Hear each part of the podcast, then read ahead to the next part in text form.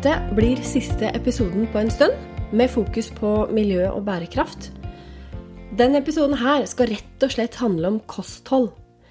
Altså hva vi spiser, og hva har det med miljø og bærekraft, tenker du kanskje?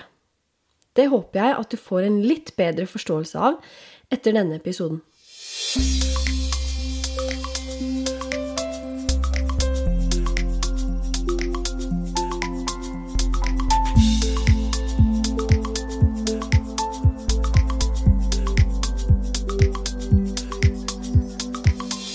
Mat er først og fremst viktig for kroppen vår. Altså at vi får i oss det vi trenger, sånn at kroppen kan holde det gående. Og alle de ulike organene våre har, har energi.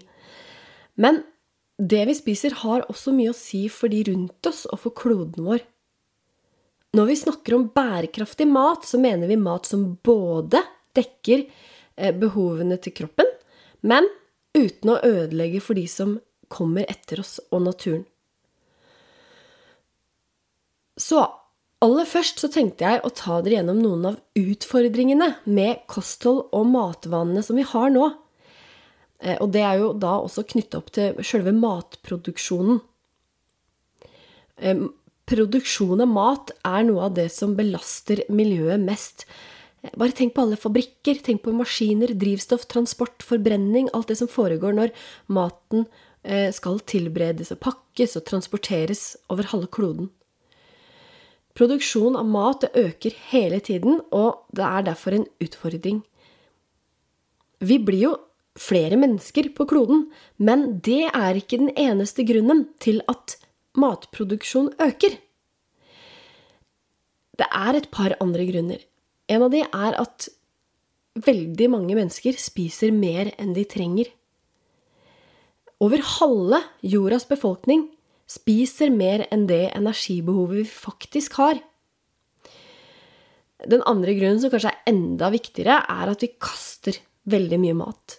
Det er et enormt matsvinn eh, over hele kloden.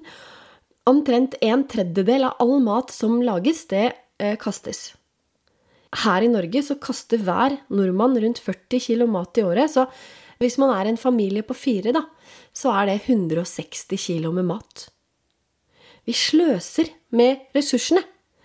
Det betyr at en del av maten som produseres på bekostning av miljøet, rett og slett blir kasta.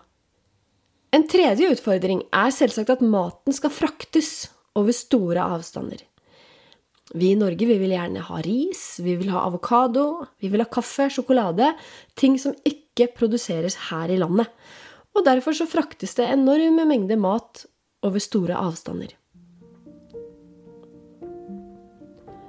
En fjerde utfordring er at vi spiser ekstremt mye kjøtt. Ehm, det å produsere kjøtt sørger for høyere eller mer utslipp av CO2 enn f.eks. Eh, når man produserer plantebaserte matvarer. Og så er det én ting til.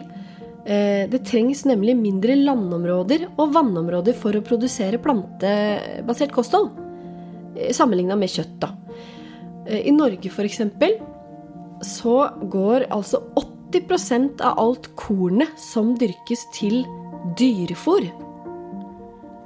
Hadde vi klart å dyrke korn til mennesker, så kunne vi metta mange flere på det samme kornet.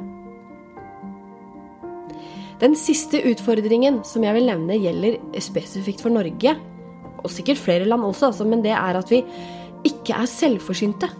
Hvis det skulle skje en eller annen global katastrofe, naturkatastrofe, pandemi eh, eller lignende, så kan det gå utover import av mat. Da vil vi i Norge slite. Vi er omtrent 40% selvforsynte, og det er egentlig ikke så veldig mye. Så hva kan gjøres med alle disse utfordringene? Går det an å få til et kosthold som tar vare på miljøet, samtidig som at vi får i oss det vi trenger? Vi som er forbrukere og som eh, spiser maten, vi kan i hvert fall bidra med noe. Vi kan f.eks. tenke over hvor mye vi spiser, prøve å kutte ned så vi spiser akkurat det vi trenger. Det er kanskje ikke så lett, men det er mulig. Et annet veldig viktig bidrag er å slutte å kaste mat. Da må man være nøyere med hvordan man handler mat, planlegge bedre, spise det man har i kjøleskapet, i stedet for å handle noe annet som man har lyst på akkurat da. Passe på å fryse ned det man ikke spiser med en gang, osv. Her kan alle bli veldig mye flinkere. Vi kan også passe på å spise kortreist mat, altså mat som er produsert i Norge. Vi kan ikke styre de store selskapene som produserer og transporterer mat. Men hvis vi forbrukere kun spiste mat som ble produsert her i Norge, så ville det hatt stor påvirkning på salg av importerte varer. Men da måtte vi nøye oss med å spise det som produseres i de ulike årstidene. Da kan vi kanskje ikke få jordbær på vinteren. Men i Norge har vi så mange muligheter. Naturen gir oss fisk og skalldyr og elg og rein og hjort, og vi har bær og sopp, og vi har urter i skog og mark. Kornproduksjon er også mulig i Norge. Dessverre så er det sånn at mye av det kornet som vi produserer i dag, egner seg ikke til menneskemat, men det er noe som forskere jobber med å forbedre.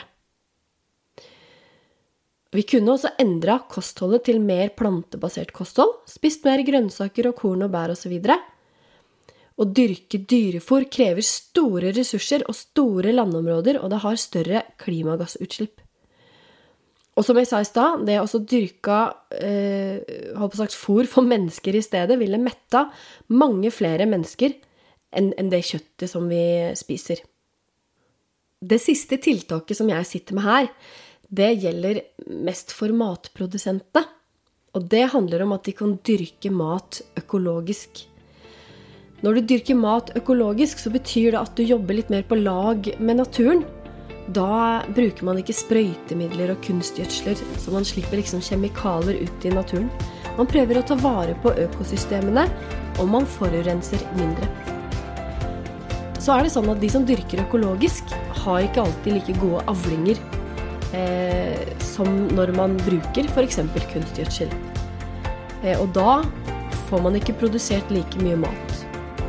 Men hvis vi samarbeider om å spise mindre og kaste mindre, Eh, spise mer plantebasert kost og kortreist mat, så går det kanskje bra.